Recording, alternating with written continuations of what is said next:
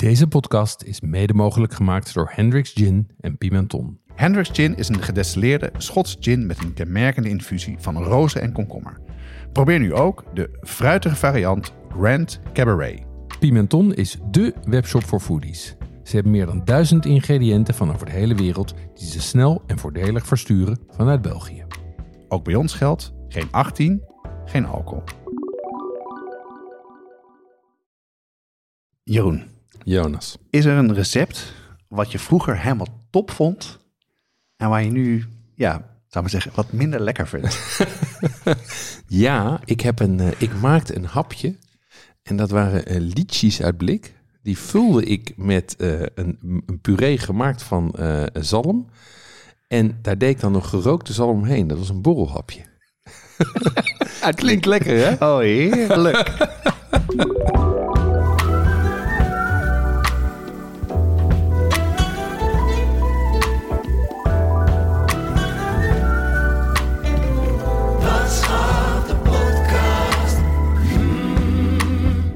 Deze aflevering gaat over zuurdesem 3.0. Tenminste, dat was het plan. Dat klopt, ja. Maar Ja. hij heet anders. Hij heet anders. Hij heet zuurdesem in de Franse bakker. En waar komt de Franse bakker dan vandaan? Ja, ehm, dat komt er vandaan omdat ik eh, tijdens mijn research eh, heb ik stage gelopen bij de gebroeders Niemeyer, bij Isa Niemeyer. Dat is onze En gast, hè? Dat is onze gast, die komt zo meteen. Ehm, en, eh, en Isa is weliswaar opgeleid bij, eh, bij Hartog en bij Peter Reinhardt van eh Gosselin in Parijs. Ehm, maar hij doet veel meer dan zuurdesem. En daardoor was ik zo geïnspireerd dat ik daar ook wel aandacht aan wilde besteden eigenlijk. Dus je bent stage gaan lopen en ook nog als gast uitgenodigd. Zo is het. Ja, mooi. Ehm, maar we gaan eerst even bijpraten en dat doen we met een drankje. En Jeroen, wat heb je meegenomen voor me? Het zit er, ik heb een glas, daar drijft wat pulp in. En Ja. het is, nou ja, het lijkt een beetje sinaasappelachtig ding. Wat, eh, zal ik eerst maar eens proeven? Ja, proef maar even. Tja. ja, ik proef iets van, ja, wat is dit joh? Dit is een shandy. Een shandy. Een, een shandy. Ik dacht, we beginnen, de vakantie is voorbij, we beginnen lekker met de shandy. We beginnen lekker. Nou ja, we hadden het net over dingen die we nooit meer deden en nooit meer dronken. Ehm, de shandy is natuurlijk iets van vroeger. Ik weet niet hoe dat bij jou zat, maar wij kregen vroeger wel eens een shandy. Ehm, eh, en nou ja, eh, toen eh, kwam ik dit recept tegen. Ehm, en dat is een, dit is een non-alcoholische shandy. Oké. Zelf gemaakt. Eh, dat wil zeggen, ik heb de, zeg maar, de limonade component heb ik zelf gemaakt. En eh, daar zit 0,0 bier bij. En eh, nou, daarmee heb je dus een, heb je een hele lekkere, tenminste ik vind het heel lekker verfrissende non-alcoholisch drankje. Zeker. En hoe heb je dan die, ehm, die siroop gemaakt? Of de, Die limonade. ja. Ja, die limonade bestaat uit siroop, dat, dat proef je goed. Ehm, en dat is een siroop die heb ik zelf gemaakt van, ehm, van grapefruit, de schil en het, dus, je boent hem af. En dan neem je de schil en het sap. En eh, die blender je, laat je een eh, half uurtje trekken met suiker. En die combineer je dan met, eh, met sinaasappelsap en met citroensap. En dat gebruik je in een verhouding, zeg maar, 2 staat tot 3 met een non-alcoholisch bier. Oké. Ik vind het een hele lekkere, frisse drank die, ehm, eh, die ook wat diepte heeft en wat complexiteit. Het recept komt overigens is geïnspireerd op een recept van eh, Maggie Hofman. Die heb ik al eens eerder genoemd. Die heeft een boekje batch cocktails. Ik kwam dit recept tegen en dacht ik shandy. En dacht, nou ja, dat vind ik zo far out. Laat ik eens kijken of dat lekker is. En het beviel mij buitengewoon goed. En eh, Ja, het is lekker fris. En, eh, en, en, en lekker doorslessend. Ik moet meteen aan een panache drink, denken. ja, Dat is volgens mij iets bijna vergelijkbaar. Ja. Wat, mijn, wat mijn zoon op de vakantie in Frankrijk eh, aan het drinken was. En toen zat ik er al een beetje naar te kijken. En denk, ik, oh, oké, dit, dit, dit gaat het worden voor later. Heel stoer zijn flesje vast te houden. oh ja, Eh, Eh, ja, ja, ja. Misschien dat zijn vriendjes dat, dat het daardoor kwam.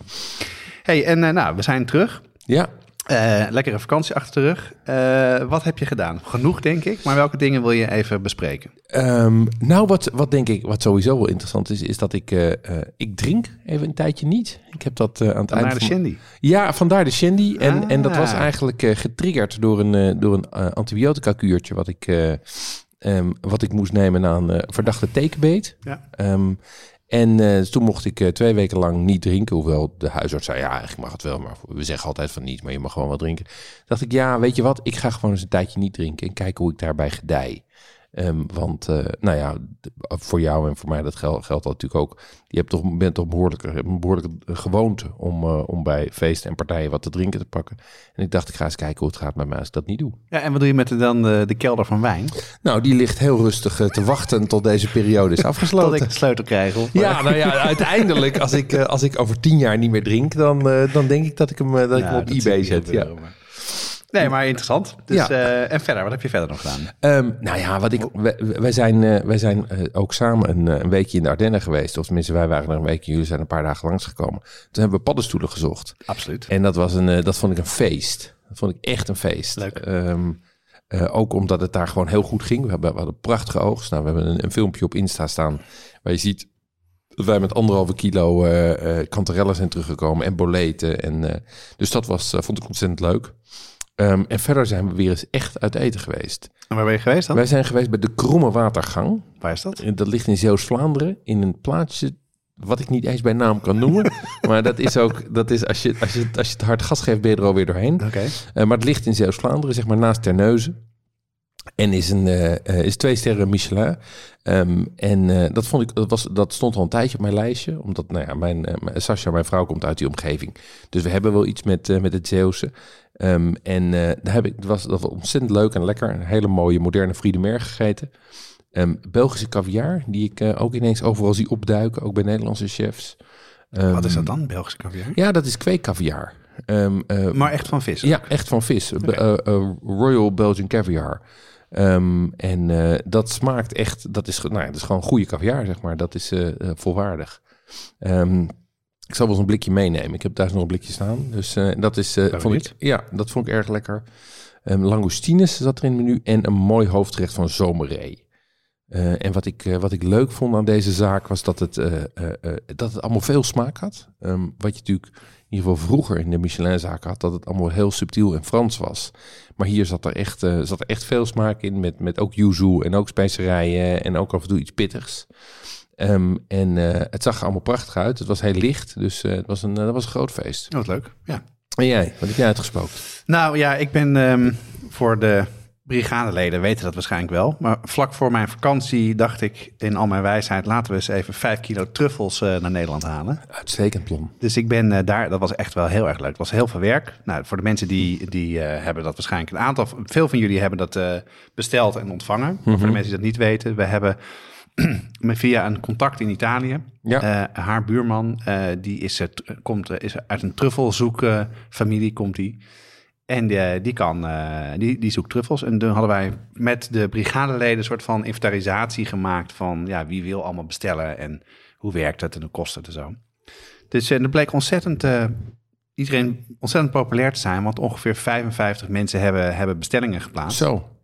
En er kwam hier dus op een gegeven moment een, uh, een doos met 5 kilo binnen. Ja, ik mij. zag de beelden. Maar het was wel zo van, het zou eerst eerder komen en toen later en toen vlak op de vakantie. Maar ik ben er denk ik een heel weekend mee bezig geweest. Ik heb heel veel uh, luisteraars ontmoet ja. die uh, op zijn langsgekomen om het op te halen. Dat was heel erg leuk. En wat ik vooral heel erg leuk eraan vond, is dat iedereen ontzettend enthousiast was. Ja. Dus uh, het was veel werk, maar het was ontzettend leuk om te doen. En uh, ik heb uh, de truffelgerechten, die op een gegeven moment was ik er klaar mee. Ja, ja. Want mijn hele huis rook naar. Dus op een gegeven moment ruik je dat dan niet meer. En dan, ja. Maar goed. Leuk. En um, heb je ook wat, wat leuks gedaan? Heb je van hard gewerkt met truffels? Ik heb zeker wat leuks gedaan. Ik heb veel, ben veel uit eten geweest. Ja. Ik ben geweest bij de kas. Daar hadden we al eerder een keer een discussie over. Van ja, hoe is de kas nu? Ja. ik ben daar een aantal jaar terug geweest. En toen was het echt ja, slecht, vond ik ja, het. vond ik ook echt gericht op toeristen. Het is natuurlijk een, voor de mensen die het niet kennen. Het is een restaurant in Amsterdam, in Amsterdam-Oost, in de Watergraafsmeer. Ja. Het is een oude kas. Je zit ook in een kas. En het is ook een, een, fantastische omgeving. Ja, prachtig. En toen hoorde ik steeds vaker van mensen, ja, het is nu overgenomen. En dat blijkt ook een van onze luisteraars. Bram, die, die kookt daar ook. Dat okay. had ik ook wel gezien. Ik heb daar ontzettend goed gegeten. Ja? Ja. Wat ik er leuk aan vond, was dat het dus heel erg... Dat is ook het hele idee van de kast. Dat ze dus zelf een groente bereiden. En ze hebben natuurlijk een hele grote kas. Ze, hebben daar, ze kweken daar ook, hè? Ja, maar ze hebben dus ook een stuk grond in uh, het noorden van, uh, van ja? Nederland.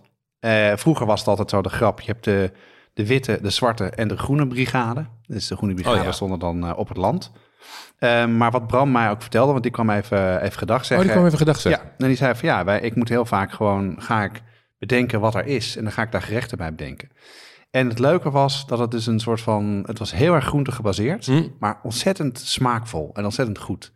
En een van de dingen die ik heel tof vond, dat was dan niet per se groente gebaseerd, maar dat was een, eh, een, eh, een oester Mhm. eh, met zowel oe- oestervlees als tartaar, als, als rundvlees. Oké. En dat was echt, oh, nou, echt een heerlijk hapje van tevoren. En eh, nee, dat was echt, eh, echt een aanrader. Heel goed, heel goed. De kas die kan weer eh, terug op de lijst. Ja, dan, mag je, dan kan je weer naartoe. Ja, leuk. Ja, nee, maar het is echt serieus. Ik was echt. nou ja, ik vond het is fijn dat zo'n mooie plek weer echt zo'n goede keuken heeft. Dus Mm. ik kan het iedereen aanraden. Zeker mensen die dus vegan zijn of vooral groente willen eten. Dat kunnen ze daar heel goed. Prima. En jij zegt, ik ben veel uit eten geweest. Kan je nog iets, eh, iets noemen waar je bent geweest? Ja, wat ik je ben, hebt gedaan? ook, ben ook een weekendje in Rotterdam geweest. Ja. We hebben ooit een aflevering met Gijsbrecht gemaakt Ja. over een weekend Rotterdam. Eh, mijn vrouw was jarig en eh, dus na al die corona-ellende dachten we van nou, we gaan er toch even wat leuks van maken. En toen ben ik bij Heroïne wezen eten. Mhm. Ehm, dat is ook een van de tips die Gijsbrecht gaf. Eh, er waren wel weer heel veel leuke nieuwe restaurants bijgekomen, maar daar was geen plek meer. Maar ik ben heel blij dat ik hier ben gaan eten. Het was echt fantastisch. Ja, was goed. Ja, het was echt heel, echt, echt heel erg lekker. Hm. En eh, maar ook weer, dus wat ik daar heel erg te gek vond, was dat er dus gerechten waren. Was bijvoorbeeld een ehm, gerecht met patrijs. Ja. En daar zaten wat lagen overheen. Dus je voelde een beetje dat, met, dat proefde dat metaalachtige, wat, eh, wat een gevogelte kan hebben. Ja. Hele wat, met een eh, goed eh, crunchy velletje. Maar er zaten heel veel groenten naast die heel cont- contrasterend waren. Dus Hm. er waren ook bijvoorbeeld hele, ehm, ja, ik weet niet of het knolgroenten waren die dun gesneden waren, die heel fris waren, heel knapperig. Was echt te gek. Was Hm. echt, echt een enorme aanrader om ook te eten. Dus, en eh, toen vroeg ik ook aan Gijsbrecht waar we dan, hij kwam even langs om gedag te zeggen, Mhm. om waar we dan moesten lunchen. Hij zei, nou je moet dan gaan naar Harvest Coffee Brewers. Oké. Dat is een oude chef die ook bij, eh bij Geurts gewerkt heeft. Ook natuurlijk een eh, Michelin-restaurant in, eh, in Rotterdam. En die heeft gewoon een, een, een lunch-brunch tent. Waar je heerlijke ex-Benedict en andere dingen kan bestellen. En dat ook was echt ontzettend lekker. Dus ook een leuke sfeer en eh, super aanrader. Dus twee keer uit eten en twee keer eh, luisteraars tegengekomen. Ja, inderdaad. Ja. Ja. Ja, ja. Maar ik ben wel meer uit eten geweest. maar- Trouwens, in de Kromme Watergang zat ik ook met een luisteraar. Dat is waar, Die- ja. ja. Goed. Dat is dit ons niet. Maar die durfde jou niet gedacht Nee, die durft geen gedachte. Dit Moet iedereen wel doen de volgende keer. Ja, hoor. gewoon doen. Gewoon naar ons toe komen. om, eh, want dat merkte ik heel erg met die truffelrun. Het is echt ontzettend leuk om iedereen te spreken Ja. en te doen. Dus, eh, dus, eh, dus dat. Jonas, jij bakt inmiddels een aantal jaren brood. Ehm, waar gaat dat het meest mis? Het gaat natuurlijk nooit mis, maar als het misgaat is het de timing en de juiste ingrediënten. En ik merk dat vooral meel een enorm verschil maakt. Ja, daar gaat het bij mij ook vaak mis. Helemaal als je croissants, bagels of pizza gaat bakken. Dan heb je echt precies het juiste meel nodig. Ja. En dat geldt niet alleen voor brood, maar ook voor alle andere bakprojecten zoals macarons, de Christmas cake of de chocolate lava cake. En daarom zijn wij heel blij met onze partner Baktotaal. Zij leveren werkelijk alles wat je nodig hebt. Tientallen soorten meel voor brood en patisserie. Chocolade van Callebaut, marsepein, amarenekersen, versiering voor cupcakes en nog veel meer. Ja, en ze hebben niet alleen de basisingrediënten, maar ook de juiste spullen, zoals rijstmandjes, deegschrapers, spuitzakken en de prachtige Nordic Ware bakvormen. Bestellen doe je via www.baktotaal.nl en meestal heb je je bestelling de volgende dag in huis. En onze luisteraars krijgen 10% korting op het hele assortiment met de code JonasBakt 2024. En die is geldig tot half mei. Dus baktotaal.nl met kortingscode JonasBakt2024. En dan het hoofdonderwerp, Jeroen. Eh, een zuurdesem en de Franse bakker. En de Franse bakker is aanwezig. Want Isa, welkom dat je er bent. Leuk dat je er bent. Goeiedag. Dit is dus de derde aflevering over zuurdesem. Ja. Die wilde je heel erg graag maken. De aanleiding daarvoor is dat je eigenlijk... eh, je zat in een, in een desemdepressie. Ik had een decemdepressie. Ja. Ja. en ik heb jij toen het boek van Isa cadeau gegeven. Klopt. Ja, dat de- was eigenlijk de aanleiding. Ik, ik kreeg het boek van jou. En dat is wat het leuke is. Wat ik het leuke eraan vind, is dat het echt een leesboek is. Met, met heel veel inzichten en begrip, zeg maar. Dus je gaat eerst... Je leest eerst heel veel. Een aantal dingen die je al weet, maar ook een aantal dingen die je niet weet. Ehm, en er zat een aantal tips in waar ik echt beter van werd. Voor mij was dat boek was echt een, eh, een, een, een eye-opener. Ja, leuk om te horen. Maar je wilde ook stage lopen. Ja, nou, dat was, ik, het was eigenlijk, ik had, ik had dat boek van, van Isa gelezen. En Isa zelf heeft heel veel stage gelopen. Heel veel ook, tenminste, dat staat in het boek, bij heel veel bakkers langs geweest. In allerlei Klopt, in landen. allerlei ook, landen, overal Ja. waar ik de kans kreeg. Ja, en, Ja. En, en hij zei van ja, dat is een hele slimme manier om eens te kijken hoe mensen het nou echt doen en ook door te vragen. Dacht ik, ja, eh, als hij stages kan lopen, dan kan hij ook stagiaires ontvangen. Dus eh, ja, toen heb ik Heb dat. je aangemeld? Ja, toen heb ik me aangemeld. Heb ik een stageformulier ingevuld. Nee, maar ik heb, een, eh, heb, ik, heb ik hem benaderd. En, en ik wilde heel graag. ehm, ik wilde heel graag zien en voelen. Want zeker als je. Zeker met deeg is toch. De tactiele is heel belangrijk. En ook zien hoe mensen dat dan doen. Want ik kan een filmpje kijken van hoe iemand een brood shaped. Maar dat is toch wat anders dat je er in 3D omheen staat. Ehm, en bovendien was ik ook wel benieuwd naar het verschil tussen thuis en professioneel bakken. Toen heb ik Isa benaderd en eh, ben ik een dagje, heb ik een dagje meegedraaid. En het ging heel goed. Oh, kijk eens aan. Kijk eens aan. Heel goed, kijk. Ja. Eh, Je hebt een microfoon meegenomen en daar heb je, nou gewoon, je moest heel vroeg moest je je melden. Ja, Was dat drie uur s ochtends? kwart voor vier. Kwart voor vier s ochtends. Ja. En eh, je hebt eh, van, jou, nou ja, van je stage heb je af en toe wat dingen ingesproken. En daar gaan we even naar luisteren. Goedemorgen, dan loop ik op een godverlaten tijdstip tussen de mensen die net uit de kroeg komen en eh, andere mensen die eh, net naar hun werk gaan. En ik ga onderweg naar mijn eerste stage in. Ik denk dat dat tot 30 jaar zal zijn, 25 in ieder geval. Ehm, en dat is hier, midden in het hart van Amsterdam, op dit tijdstip. Want daar zijn al of nog mensen aan het werk. Ik, ga, ik heb ontzettend veel zin in. Inmiddels is eh, de tweede bakker ook binnengekomen. Het is eh, kwart over vijf. Ehm, en die eh, is aan de gang met het maken van het deeg voor morgen. En ook bij de tweede bakker ligt het tempo moordend hoog. Ehm, ik mocht net even helpen met het eh, bestrijken met ei van de eh, croissants. Maar uiteindelijk ging dat niet snel genoeg.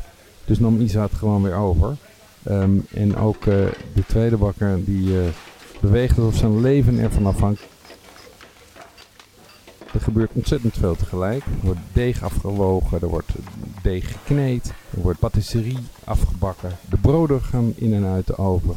Doet erg denken aan een eh, restaurantkeuken tijdens de servies, waarbij iedereen eigenlijk rent en niemand gewoon loopt, ondanks het tijdstip. Inmiddels eh, gaan we door met de derde ronde van eh, de croissants. Het deeg heeft nog een uur of anderhalf, denk ik, in de koelkast gelegen. Driehoekjes die rollen Isa en Ferdinand in razend tempo op tot croissantjes. In de bekende vorm. Vrij eh, ruw, maar dat gaat in een eh, zeer hoog tempo. Gaan ze hierna weer in de koelkast, eh, Isa?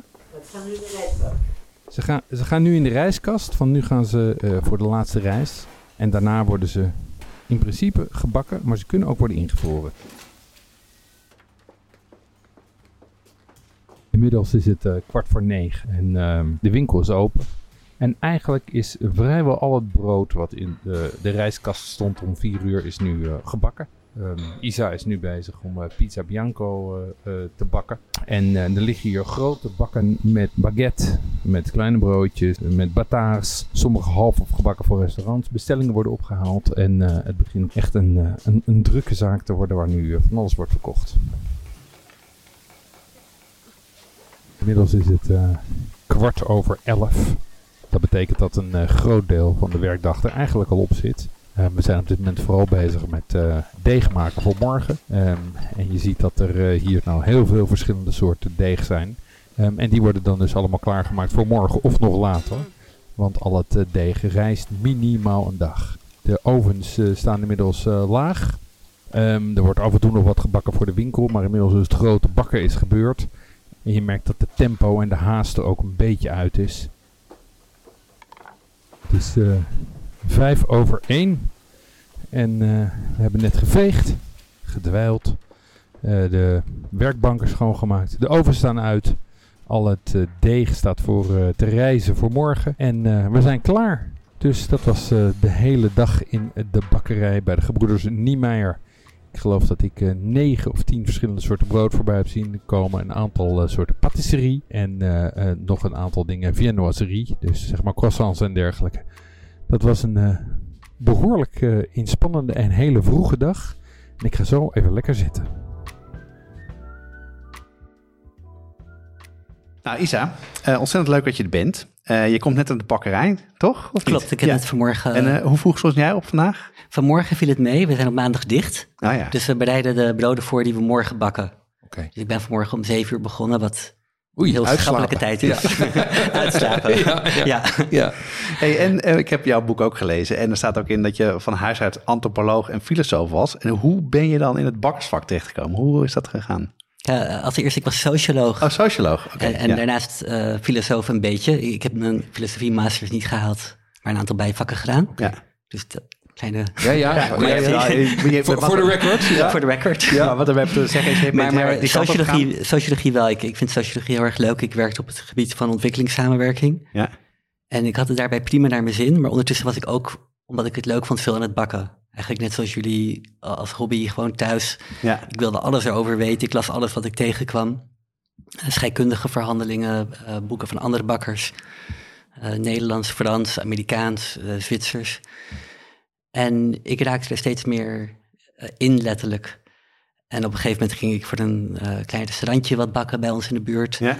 En Thuis, hè? voor de traiteur ging ik broden maken. Die bakte ik thuis. Bij het restaurantje maakte ik het deeg thuis. Ja, nam daar hun oven mee. Ja. Legde daar een stenen die ik van thuis had. Oké. En ging het daar bakken. Je ging met een tegel op de fiets. Ik eh, ging met naar een de- tegel Ja. en deeg op de fiets naar het restaurant toe. Leuk. Hey, maar daar, dus, en daar is het begonnen. En daar is het mee begonnen. Dus Ja, het ja. was eigenlijk, ik vind sociologie nog steeds heel erg leuk. Ja. eh, En filosofie nog steeds interessant. Ja. Maar ik ben steeds meer in het bakken verzeild geraakt. Maar het is wel, het is wel veel meer met je handen werken. En, eh, en fysiek is het ook. Want dat begreep ik wel een beetje van de stage van Jeroen. Dat was vrij zwaar. Dus van waar, bevalt dat ook?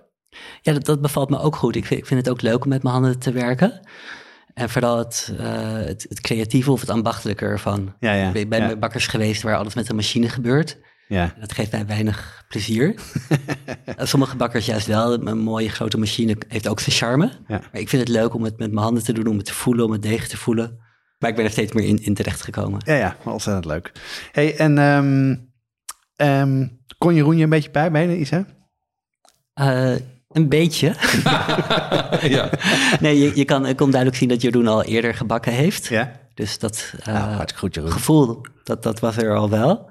Maar, maar inderdaad, het, het tempo waarin dingen in de bakkerij gaan, omdat de hoeveelheden zoveel groter zijn, Ja. Dat eh, moet je ook niet verwachten dat iemand in één keer kan bijbenen. Nee, maar dat was Dat heb ik zelf ook langzaam Dat was echt ook insane hoor. Ja, dat zei Ja. Ja, en, en wat, dat, wat, bedoel, wat dat natuurlijk uitmaakt, is als je in je eentje iets maakt, dan maak je één, of in sommige gevallen zes of twaalf eh, eh, stuks. Ja, en dan kan je één of twee extra handelingen kan je er wel bij hebben. Maar ja, als je 400 croissantjes maakt, Ja. dan is die één of twee handelingen is meteen een uur extra, zeg maar. Klopt. Dus je wordt heel, eff- dus dat zag ik, dat heb ik ook met bewondering naar gekeken. Ik werd ook gecorrigeerd. Ja, nee, je moet, je mag, je moet in één keer die baguette op, eh, op spanning trekken. Want als je heen en weer gaat, ja, dan, eh, dan staan we hier, eh, staan we om half zes nog. Ja, en het probleem is, het, het gaat en om het tempo. En het is een bedrijf en het moet kloppen. Maar en we willen het ook nog toegankelijk houden. Dus niet heel duur maken. In een bakkerij Ja. betekent het als ik heel langzaam werk, dan gaat de prijs van het brood omhoog. Natuurlijk. Dat wil ik niet. Ja. En aan de andere kant, eh, als je met een grote hoeveelheid werkt, als je eentje, één brood heel erg mooi maakt door er een uur mee bezig te zijn, Ja, dan is de rest dan zijn, is de rest overleven. En Ja. die croissantjes bij ons, we gebruiken echte boter. Dat dat is- smelt letterlijk onder je handen weg. Ja. Dus je, je moet ze heel snel verwerken. Ja. je, liet mij, je stuurde mij ook eh, een filmpje dat er iets met een schaar werd geknipt. Ja, Dat was echt ontzettend snel. ja die, eh, je, je bedoelt die, eh, hoe die croissantjes werden gesneden. Nee, het was de ook een de ander EP brood. waarschijnlijk het Oh ja, ja, ja, Ja. precies. Ja, het- die het- ja. ja. Wat leuk. hey, Jeroen, jij zegt dat het heel erg leuk was. Wat heb Ja. je ervan opgestoken? Wat vond je, laten we eerst even zeggen, wat vond je ervan? Nou ja, ik vond het ontzettend leuk om te doen. Ik vond het heel zwaar. Ja. Ehm, eh, vroeg opstaan is natuurlijk sowieso niet mijn forte, maar, maar drie uur opstaan is echt heel erg vroeg. Ehm, en eh, vervolgens, ja, je staat gewoon de hele dag. Ja. Ik geloof dat ik twee keer tien minuten mocht zitten. Ehm, en je bent continu aan het lopen en, aan het, en, aan het, en ook niet, ik bedoel, het is allemaal niet... eh, het, het, het zijn geen eh eh, IEMS eh, eh, ergonomische stoelen. Dus het is allemaal toch een beetje, je hangt eroverheen. Je, dus het is, het is gewoon zwaar. Ja. Ehm, eh, en je bent continu aan tillen en met die warme dingen bezig. En, eh, dus, dus dat is zeg maar aan de, de, de kant zwaar. Daar heb ik, dat geeft mij nog meer respect voor, voor Isa, die dit gewoon dag in dag uit doet. Ehm, maar ik vond het ook ontzettend leuk om inderdaad, nou ja, te zien. Je herkent een heleboel van wat je zelf doet. Maar je ziet ook, wat ik heel leuk vond vooral, is hoe dingen veel sneller en misschien zelfs wel slordiger gaan. Waardoor het Ah. eindresultaat nog in ieder geval mij meer aanspreek, voor mij meer aansprekend werd. Ja, ja. Weet je, de croissantjes zijn ook, die zijn niet helemaal picture perfect. Die zijn toch hebben iets rustieks. En dat vond ik ook wel eh, leuk. Ja. Hey, en wat heb je ervan opgestoken? Want dat was het hele idee eh, om mee te draaien en te kijken van ja, echt een expert te vragen Ja. van hoe krijgen we die, die platte broden eruit en wat kan je qua zuurdesem eh daarvan leren? Wat heb je daarvan opgestoken? Ehm, wat, ik, wat belangrijk voor mij is dat, dat eh, kneden is niet nodig en heeft zelfs nadelen. Ehm, en, en het tweede is eigenlijk dat je op je gevoel moet durven vertrouwen. Dus het deeg aanvoelen, de stevigheid, de plakkerigheid. Ehm, want het is, het is zo'n complex proces, dat zuurdesem. Dat zei, dat zei Isa op een gegeven moment ook tegen mij. Zei, ja, je moet, niet, je moet het niet proberen helemaal te controleren, want er zit zoveel variatie in. Je moet gewoon kijken naar wat dat deeg doet en daarin meegaan. En, en voor mij betekent dat dus eigenlijk, terwijl ik dacht dat ik meer structuur en meer controle nodig had, werd het minder structuur en meer gevoel. Ja, nou, dat is lekker duidelijk. Ja, Ja, dat, dat is ook iets wat ik bij, bij zelf als thuisbakker vroeger ook had. En Ja? bij alle thuisbakkers zie. Je, je wil zoveel mogelijk weten. Je wil eigenlijk precies begrijpen wat er chemisch in je deeg gebeurt en het op die manier aansturen. Ja, heel herkenbaar. Maar eigenlijk heb je die informatie helemaal niet. Nee. En je intuïtie is, kan op het moment dat je ervaring gaat, op het moment dat je het vaker gaat doen en wel begrijpt wat er gebeurt, dan kan je intuïtie je veel beter sturen. Ja. Dan heb je met een heel kort moment van aanraken van het deeg, kun je al genoeg hebben om te snappen wat er gebeurt. In Ja, plaats van dat je het je chemisch staat. wil analyseren wat je toch niet kan. Nou, ik herken het wel heel erg met koken. Dat als je veel bepaalde dingen gekookt hebt, dat je eigenlijk op gevoel, je proeft, je weet wat je moet toevoegen. En als je dat moet uitleggen, vind je het moeilijker. Maar ik vind dat met zuurdesem, eh, ik weet wel wanneer het mislukt. En ik weet ook wanneer ik te ver met dingen ga, maar nog steeds heb ik te weinig eh, dat ik het voel en weet wat ik moet doen. Maar goed, dat ga je me zo allemaal vertellen. ja, maar, ja maar, eh, maar ik ga je ook vertellen dat ik je niet kan vertellen, dat je het moet voelen. Dat Ja, is ja. het. Het is, Ja, maar het daar is niks van. Nee, ik, ik denk het ook. Je, je moet wel begri- het begrijpen. Ja. Dus vandaar ook dat boek. Dat boek is eigenlijk een boek wat ik zelf wilde toen ik, het, toen ik begon met bakken. Want Ja. je, Ja. je, je hebt aan de ene kant heb je abstracte theorie, je, je hebt chemische analyses van een desem. Aan de andere kant eh, heb je recepten, die zijn niet met elkaar gekoppeld over het algemeen. En de recepten hebben vaak ook eigenlijk weinig met de theorie te maken... in de zin van dat ze gewoon maar zijn zoals het al gedaan werd eerder. Ja, ja, Niet ja. per se altijd het beste. ja. En vervolgens wil je dat samenbrengen. En dat probeer ik in het boek. Ik probeer de theorie naar voren te brengen op een manier die, die het mogelijk maakt om intuïtief te werken. ja. En om recepten los te laten. En gewoon zelf aan de gang te gaan. Ja, maar dan over dan dat boek, hè? Want dat zei je ook in je boek dat, eh, dat kneden niet moet. En jij kneden soms wel 20 eh, minuten. Ja, en ik we had hebben wel eens YouTube-video's gekeken van een KitchenAid met welke stand, met hoeveel slagen Ja. per, per Ja, ja, En, en jij zegt, Isa, dat dat dus niet moet. Kan je uitleggen waarom dan? Waarom? Kijk, want je moet wel dingen doen met het deeg. Eh, dan, je kan niet, jij kan het ook bij in elkaar gooien. Dan lukt het op zich ook nog best wel redelijk volgens mij. Maar wat was voor jou nou, wat is voor jou nou de reden om niet te kneden? Ja, eigenlijk hoe, hoe meer je kneedt, eh, hoe meer het meel eh, oxideert. Of de ingrediënten, in de, de bestanddelen van het meel. Ja? En dat betekent eigenlijk binden met zuurstof. Maar het betekent ook dat je smaak verloren gaat. Dus je, een heel mooi voorbeeld is altijd het beta-carotene in meel. Meel is niet wit. Ja? Kneed je het lang genoeg, dan wordt het wel wit. Oh, grappig. En dat is een zichtbaar verschil, maar je hebt Ja. allerlei kleine stofjes die je eigenlijk kwijtraakt, omdat ze binden met het zuurstof wat je door het de- deeg heen slaat. Ja. Dus Maar hoe minder je dat doet, hoe meer smaak. Dat is eigenlijk de reden om weinig te kneden. en het, en het hoeft dus En het ook, hoeft niet, ook niet. Ben Ja, ik dus achter. Maar er zijn dus ook allemaal YouTube-video's en bekende bakkers in Nederland die zeggen je moet deegtemperatuur hebben en je moet kneden en je moet voelen.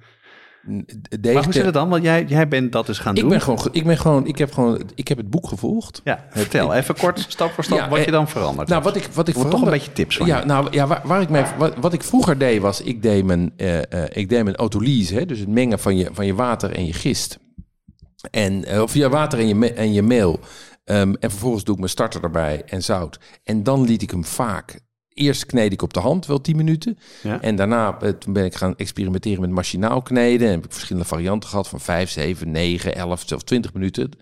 Ehm, echt op zoek naar zeg maar die pracht, zo'n prachtige window pane. Ja. Zo'n doorzichtig Dat, dat leer je ook als Ja. eerste. Dat, dat is Exact, wat je wil. Dat is Ja. wat je zoekt. Is voor de luisteraars, dan pak je het deeg wat dan om te controleren of de glutensetting gestart is. Ja. Je pakt het deeg, je trekt het uit en op een gegeven moment kan je er een soort van half doorzichtig doorheen kijken. van trekken. Ja. En tot het op een gegeven moment gaat breken. Het breekt uiteindelijk wel, maar hoe lang, langer het duurt voor het gaat breken en hoe dunner het blijft, hoe beter je. Ja, jij, zegt dat dat de glutensetting gestart is, maar eigenlijk is dat het eind eh, Ja. wat je wil hebben. Je, je wil dat je van, van je Ja, een je- kan eh, trekken nadat het gerezen eh, Exact. is. Oh, nou, dat En wat je is. leert is om het meteen Ja. bij het kneden te doen. Exact, zo ken ik Zodat het, je ja. ook een half uurtje later je broden kan maken. Want zo gaat het in, in de industriële bakkerij Oh, of de dus semi-ambachtelijke bakkerij. Precies. Dus je moet het, die windowpane heeft alleen maar zin als de rijst klaar is. Eigenlijk hoeft wel, die dan is hij er vanzelf. Ja. Dan is hij er vanzelf. Ja. Ja, dus wat ik nu doe, is ik, ik, grappig. ik doe wat, wat eh, Isa in zijn boek voorschrijft. Ik, ik meng het tot het net gemengd is, zeg maar, mijn eh, deeg. En dan draait hij dus maar, draait mijn KitchenAid draait 30 seconden of zoiets. En vervolgens eh, eh, doe ik, eh, sla ik hem om, dus, dus stretch en fold. En dat doe ik twee of drie keer in een, in een, in een vierkante bak. Tijdens het reizen, de eerste, in de eerste, zeg maar, als, die, als, die, als die, de eerste reis die bij mij warm is, als die drie of vier uur duurt, dan sla ik hem in de eerste twee uur sla ik hem twee of drie keer om. En dan heb ik voldoende spanning. En dan zie ik gewoon hoe die van een plakkerige massa die niet meer loskomt uit de bak, een mooi elastisch balletje wordt die keurig in het hoekje van de bak blijft liggen. Kijk eens aan. Niet meer kneden, meer smaak, makkelijker. Het is echt fantastisch. Ja, maar je moet het dus wel... ehm, in de reis moet je daar... dus hoe, hoeveel minuten doe je ertussen? Hal, om het half uur? Of? Nu, ga, nu ga je weer heel precies. Ja. Nou ja, het is niet zozeer precies, maar het is meer is dat niet ik- zo precies. Nee, dat begrijp ik. Dat begrijp ik heel goed. Maar ik ga toch proberen het gevoel wat tastbaarder te maken voor mezelf. Maar het is meer, ik zoek niet naar precieze dingen, naar een beetje eh, handvaten. Eh, zodat ik voor mezelf weet hoe ik het, hoe ik het moet doen. Maar dan moet je dus, je moet gewoon voelen. Je moet, ik, nee, nee, li- letterlijk. Dus- Ik, ik, eigenlijk gaf Jeroen je dat handvat al. Hij zei, ik doe het ongeveer twee keer in die drie à vier uur. Ja? En dat is hoe precies het komt. Ja, ja. en het en maakt je ook voelt niet als uit. je dat doet, het maakt niet zoveel uit. Je krijgt die spanning wel op je deeg. Je krijgt die mooie glutenontwikkeling wel. Ja. Als je een deeg drie of vier uur laat rijzen en je slaat het eh één of twee keer om, Ja. dan ben je er. Het kan dus en nog wat je vervolgens kan nu. merken, Ja. wij, wij doen het één keer. Oké, ja. En, en wat, wat je, ook als je omslaat, je, je gaan er ook luchtbellen in, je- toch? Er gaan luchtbelletjes in en hoe meer kleine belletjes je krijgt, hoe fijner de structuur van je brood wordt. Hoe minder je het bewerkt, hoe, hoe meer je ook grotere gaten krijgt. Oh, oké. Dus een, een Nederlands brood is gebaseerd op heel veel minuscuul kleine luchtbelletjes. Door dat kneden de hele Ja. tijd. Ja, ja, en terwijl die zuurdesembroden, daar wil je van die wat meer grotere gaten Precies, en dan hoef je het niet vaak om te slaan. Oké, dan heb ik nog één vraag. Hè, maar van het gevoel naar wat uh, houvast te gaan. Jullie gaan, gaan we vanzelf al verbeteren. Dat doen jullie al. Dus um, mijn fout die ik veel maak, is ik heb heel vaak een plat brood. En ik heb altijd het gevoel, en dat merk ik wel als ik ga shapen en het uh, in de ijskast ga, ga, ga zetten voor de tweede koude reis, dat ik te lang laat rijzen. En dan kan ik dus nu op gevoel uh, aan het deeg aanvoelen wanneer het klaar is. Maar waar kan ik op letten? Zonder dan meteen heel rigide te zijn. Waar... Uh, als je bijvoorbeeld een uh, brood wil bakken, je, je kunt het een klein beetje indrukken, ja? deeg, voordat je het in de oven doet. Ja? En je wil dat het uh, makkelijk meegeeft, luchtig voelt, maar ja? ook nog een heel klein beetje terugkomt. En voor de ijskast, dus, dus ik heb de eerste warme reis gedaan. Ik heb dan, uh, nou, ik heb het laatst ook gedaan, want Jeroen zei, dit werkt heel goed. Dat werkt inderdaad heel goed, die stretch and fold. Dus, uh, um, en dan is voor mij altijd, welk moment moet ik het dus uh, stoppen? Moet ik de eerste reis stoppen? Waar moet ik dan op letten? Hetzelfde? De, de bedoel je, wanneer ja, je gaat vormen. Ja. Daar, daar kan je in kiezen. Je, je kan kiezen voor een, een heel vergevorderde voorreis, waar deeg uh, echt twee, tweeënhalf keer zo groot is, ja. heel erg luchtig aanvoelt. Ja. Op het moment dat je het vormt, krijg je weer die spanning terug. Ja. En doe je dat voorzichtig, dan kun je dat gas van de voorreis in je deeg uh, behouden. En in die gassen zit er weer heel veel smaak. Uh, er organische, hoe, zeg je dat, vetzuur erin. Ja. En die geven smaak aan je deeg, dus bewaar die gassen. Ja, en dus vervolgens, niet... omdat je een goede voorreis hebt gehad, heb je een wat kortere nareis nodig. Of een lange, koude nareis. Ja, ik doe het altijd in de ijskast. Want ja. voor mij is dat qua... Maar omdat je, die, je hebt die deegontwikkeling al in je voorreis in dat geval. Ja. Je hebt wat minder ontwikkeling nodig in je nareis. Dus okay. je, je hoeft het niet zo ver te laten doorreizen daarna. Okay. Je kunt ook kiezen voor een wat kortere voorreis. Waarbij het tegen misschien anderhalf keer zo groot is. En een nareis waarbij je het wat meer laat ontwikkelen. Ja, dus langer in de ijskast dan. Ja, en ik, ja. zal, ik, ja. zal, ik zal de verwarring nu nog verder vergroten. ja. Oh mijn god, wat jongens. Ik, ik, ik We had, beginnen een nieuw kwam... seizoen. Ik denk, simpel, duidelijk, wat ik van Jeroen ik, ik, had, ik heb gisteravond heb ik een, een deeg gemaakt. En ik had, dat wilde ik gewoon zeg maar een, een korte, warme voorreis. En dan een koude, lange nareis. Maar toen ik hem eigenlijk, toen ik naar bed wilde gaan, zag ik dat hij eigenlijk nog niet ver genoeg was voor die. eh, Ja, je eh, voelde het. je voelde het, precies. Ja. Nee, ik voelde dat hij niet ver genoeg was. Maar ik heb hem toch in de koel gezet. Ik dacht, ja, als ik hem een nacht buiten laat staan, dan gaat hij, gaat hij te Ja. ver. Dus ik heb hem erin gezet. Toen heb ik vanochtend gekeken. Toen wilde ik gaan bakken. Dacht ik, ik ga nu niet bakken. Ik laat hem nu staan. En ik ga straks terug. Ik ga straks kijken. Dus als ik straks hier na deze opname thuis kom, ga ik kijken hoe ver die is. En als hij dan nog niet ver genoeg is, dan zet ik hem nog even daarna. En geef ik hem dus nog, zeg maar, een derde reis buiten de koelkast. Ja, ja. En dat, maar ook daar is het gewoon, dit is gewoon een kwestie van voelen of je die juiste balans hebt tussen, tussen luchtige sponsigheid Ja. en, en stevige, eh, een stevig balletje. Oké, ehm, we gaan toch een poging doen om wat... eh, wat eh, concreet te maken. Je, wil gewoon een, je kunt ook gewoon duidelijk een recept volgen in, in, in een boek bijvoorbeeld. Er staan ook een aantal recepten. Dus je, je kunt er alle kanten mee uitgaan. ja. Maar dat kun je oefenen door dan een aantal voorbeeldrecepten te volgen. Ja, nou goed, om even terug te komen op eh, waar wij beide last van hebben gehad. Ehm, ik nou, bakte denk ik eh één tot twee keer in de week een brood. En eh, dat ging vaak heel goed. En op een gegeven moment waren ze helemaal plat. En dan was ook bij het shapen was het heel plakkerig. Heel soort koeienvla die je op je werkblad uitstort. Ho- hoe, hoe komen die dingen en wat kan je daaraan doen? Heeft, heeft, heeft dat met het reizen te maken, Rioen? Of... eh, Ja, kijk, ik denk in in mijn ervaring. maar dat is denk ik, de me- bij de meeste van onze luisteraars merk ik dat dat de grootste probleem is. Dat Lekker brood, is ik, dat nog ik steeds? denk dat het te maken heeft met het eh, heel erg vasthouden aan een bepaald recept. Ja, Als jij bakt en je merkt dat je deeg veel te slap is en veel te nat is en uitzakt, ja, dan moet je misschien ietsje minder water toevoegen Ja, de precies. volgende keer. Die vrijheid moet Ja, je voelen. ja. Als je minder water toevoegt, gaat je deeg weer wat langzamer rijzen. Dus misschien wil je wel net ietsje warmer water toevoegen of een iets langere voorreis geven. oké. Ja. Je kunt eigenlijk met bijna alles wegkomen als je het in het proces weer corrigeert. Dus als je merkt ja. van nou, het is heel erg slap, dan vouw je het nog een keertje. Je slaat het nog een keertje extra om. ja, dat merkte ik wel. je kunt dat- van een papje kun je een heel mooi stevig deeg maken. Je kunt er dan geen heel hoog brood mee maken, Maar wel nog steeds lekker. maar wel een heel erg lekker brood. Ja, nee, dat heb ik door, door het gewoon nog een keer extra Ja. om te slaan. Ja. Ja, en, en nou ja, wat, natuurlijk, wat voor mij wel een keer, eh laat ik zeggen, wat, wat mijn enorme uitgeleider is, daar heb ik, die heb ik ook tegen Isa genoemd, is ik heb gewoon een keer eh, eh, verkeerd, verkeerd meel gekocht. Ja. Oké, maar laten we dan even dus, dus, de, dus je hebt je gevoel. Ja. Hè? Je gevoel en mail was, eh, je vertrouwen erin was, was aangetast. Ja. Daar was je niet zo blij mee. Nee. Toen zei de least. Ja, nee. Maar goed, laten we even dan eh, toch even kijken van als we kijken naar, naar vertrouwen, wat voor factoren waar moet je op letten? Wat zijn toch dingen die, die je ook uit het boek hebt gehaald en, eh, en die dag hebt meegemaakt? Waar moet je op letten om toch een zo goed mogelijk brood te krijgen? Nou ja, kijk, ehm, je, hebt, je hebt een paar knoppen waar je aan kan draaien. Ja. Eh, dat, is, dat is je mail. Dat is vaak een knop waar je niet zelf aan draait, maar dat is een knop waarvoor aan wordt gedraaid voor je. Ja? Omdat je een nieuwe partij krijgt of omdat je schakelt van leverancier. Ehm, dan heb je natuurlijk de knop hydratatie. Hoeveel, hoeveel vocht doe je erbij? Ja? Ehm, eh, en vervolgens is het is, is eigenlijk temperatuur en tijd, zeg maar, een soort van de, de, de compound daarvan. Ja.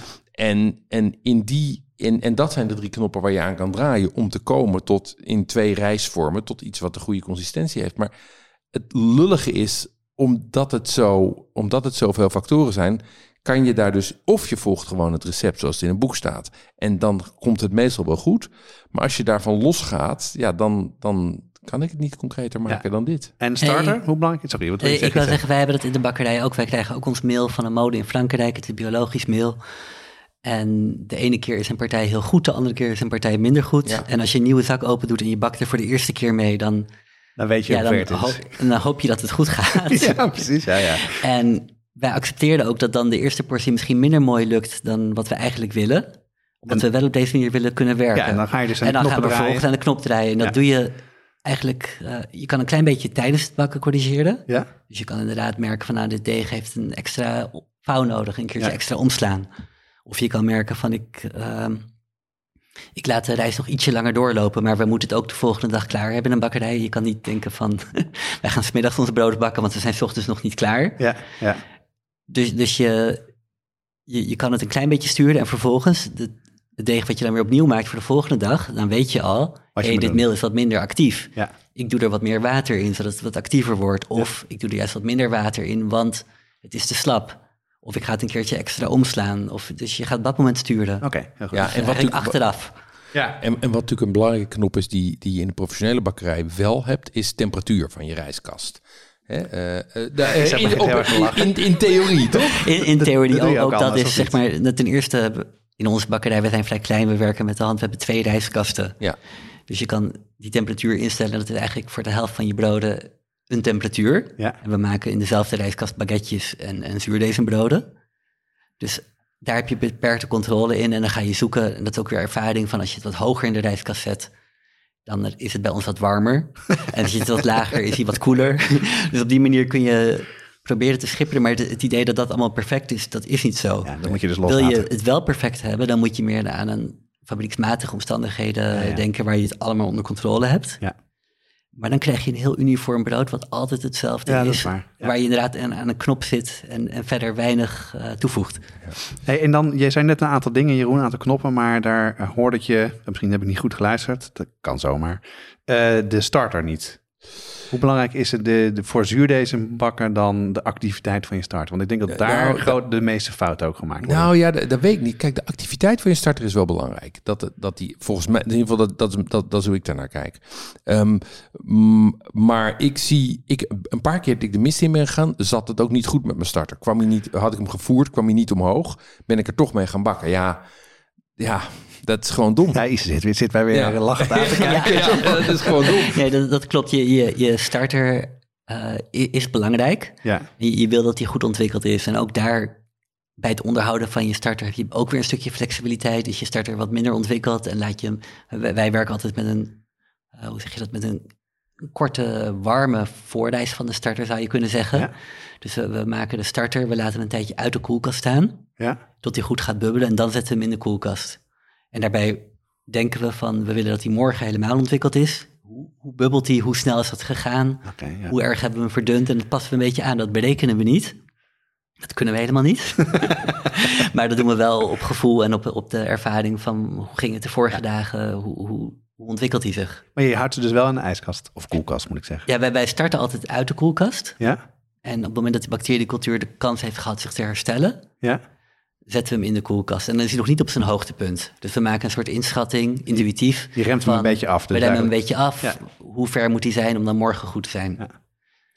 En ik waar, waar mijn starter helemaal buiten de koelkast. Bij mij gaat die de koelkast niet in, maar ik bak elke dag. Ja. Dus ik heb elke dag zeg maar dat ik hem voer en dan haal ik twee derde eraf en de volgende dag bak ik weer door, eh, eh, activeer ik de rest weer. Ja. En dan, maar als hij dan niet omhoog komt, als ik bijvoorbeeld een dag heb overgeslagen en hij is te zuur geworden of het is heel koud geweest, dat kan natuurlijk ook. Hè? Ja. Eh, en, en dan zie ik hem niet omhoog komen. Ja, dan, dan, nou ja, ik heb dus laatst inderdaad beslist van ja, dan hebben we dus morgen geen brood, want mijn starter is nog niet actief. Die moet gewoon even worden bijgevoerd. En ja, maar dat is dus de consequentie. naar je ja, hoofd. Ja, ja, Ja. ja. ja, ja, dat is het. Ja, Ja. en je kan een klein beetje compenseren door wat warmer water in je deeg te stoppen, waardoor je die mindere activiteit toch nog Dat hij wat sneller gaat. probeert recht te trekken. Ja, ja. Maar dat kan beperkt. Ja. Ja, nou, ik merk al dat ik veel van jullie soort gevoelsdingen ook al wel een beetje doe. Dus eh, dat stelt mij een beetje gerust. Ehm, maar hoe ga jij daarmee om? Want je hebt niet een hele grote bakkerij. Het is een hele leuke plek waar je zit in Amsterdam, in de Korte Nieuwe Dijk. En daar is zowel de winkel, maar dan kan jullie ook zien bakken. Want jullie staan daar een soort van vierde beneden, staan jullie te bakken. Hoe ga je om met die, met die onzekerheid? Daar heb je bewust voor gekozen, merk ik in het gesprek nu. Hoe, hoe ga je daarmee om met als... wij, ehm, we, we accepteerden hem. Ik accepteer graag dat we ook onze eigen wisselvalligheid... de ene keer ben je scherper dan de andere keer. Dat geldt ook voor mijn collega's. Ja, Ik denk dat het belangrijk is om op die manier te kunnen werken. Waardoor als alles goed gaat, je ook echt iets heel moois maakt. ja, En daar hoort bij dat het soms inderdaad is een partij mail wat minder goed. eh, is er iets wat deze net wat minder ontwikkeld, omdat je er niet helemaal bij was op het moment dat je eh, het in de koelkast zette en dat misschien net iets te vroeg deed of te laat. Dat accepteerden we en dat moeten onze klanten dus ook accepteren. en het is lastig. Sommige mensen zullen dat begrijpen, sommige niet. Maar voor mij is het een heel bewuste keuze om eraan vast te houden. Ja, wat ik heel grappig vind, want ik ben een aantal keer bij je geweest om, om gewoon ook eh, brood te kopen. En eh, we gaan het zo nog over de croissants hebben, maar hij had de croissants gekocht en mijn eerste indruk was, zo, die zijn klein en anders. Maar ze zijn, en ik heb wel het idee, dat ik vond ze namelijk wel heel erg lekker. Ook van je andere brood. Ik heb wel het idee dat je op smaak niet zoveel concessies doet. Klopt dat? Nee, op, op smaak niet. En om, om die hele lekkere smaak te, te krijgen, kiezen we voor de manier van werken die wat minder conventioneel is en wat Dus- meer risico's met zich meebrengt. dus wat meer loslaten, wat meer op gevoel. Inderdaad, ik- en de croissantjes zijn een voorbeeld. We, we werken met echte boter. Ja, Die smelt zo onder je handen weg. In de meeste bakkerijen wordt gewerkt met boter die speciaal behandeld is, waardoor die niet wegsmelt. Oké, je hem wel mooi kan uitrollen. ja. Dat smaakt eigenlijk overal precies hetzelfde en voor mij minder lekker. Ja. Maar het betekent dat we die croissantjes heel snel moeten maken, bijna niet aanraken eigenlijk, eh, ontzettend licht. En dus iets minder eh, de vorm centraal stellen. Dus we willen dat ze lekker zijn en Ja. We vinden het oké als ze de ene keer wel iets groter, kleiner, anders ja. uitvallen. Nou, dat vind ik leuk. Want dat, Ja. En het zijn ook echt hartstikke lekker. Ik kan, daar, ik kan daar nog een mooi voorbeeld van geven. Want de au chocola, je kan als bakker speciale au chocola staafjes kopen. Zeker. Die blijven mooi stabiel en die hebben de perfecte vorm. En, eh, dus ik had verwacht dat we daarbij pain au chocola zouden maken. Wel nee, ik kreeg een grote bak met chocolaatjes. En die moest ik allemaal gewone chocolaatjes halveren. Want daarmee sneden we zelf, sneden, snijdt eh, eh, de bakker zelf de eh, staafjes voor in de pain au chocola. Zodat je dus niet die geprepareerde chocola gebruikt, maar de chocola ook weer op smaak. En ja, dat de consequentie daarvan is dat je 200 van die dingetjes door midden moet snijden. Ja, dat hoort dan erbij. ja. verlies. Ja, en dat de chocola ietsje meer zal uitlopen. Bijvoorbeeld de chocola die dan gebruikt wordt, daar zit wat minder cacaoboter in, waardoor die wat minder wegsmelt. Oké. Maar dus ook een stuk minder lekker is. Er Ja. zit vaak wat meer suiker in. Het het is een andere chocolade van hetzelfde merk, van een, van een topmerk. En de chocoladestaafje is een stuk minder lekker dan de gewone chocolade. Grappig zeg. Wat leuk. Ik vind het heel leuk dat je er zo naar kijkt. En ook, ook de, die risico's durft te nemen in je zaak.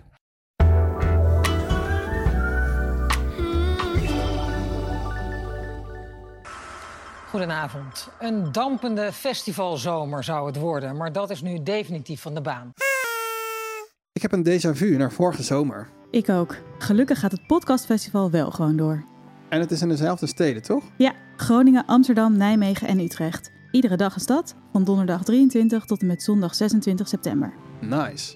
Met workshops, panelgesprekken, live shows van onder andere NRC Vandaag, met Nerds om tafel en Dipsaus. Kaarten koop je via podcastfestival.nl. We gaan even naar, naar Jeroen, onze stagiair. Ja, dus eh, die is, heeft jongste een- bediende. Nee, nee, dat ben je zeker niet.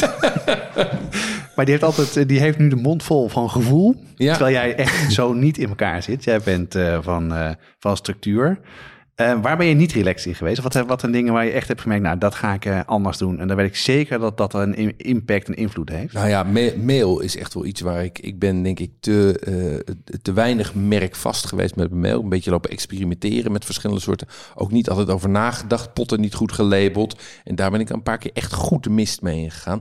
En het, het, het beste voorbeeld ervan was natuurlijk een partij die ik op een gegeven moment bij een, eh, bij een eh, molen hier had gekocht. Waarvan ik dacht dat er voldoende... Er stond een pak dat er voldoende proteïne in zat. Ik dacht, Ja. dat komt goed. Maar het bleek toch lokaal graan te zijn.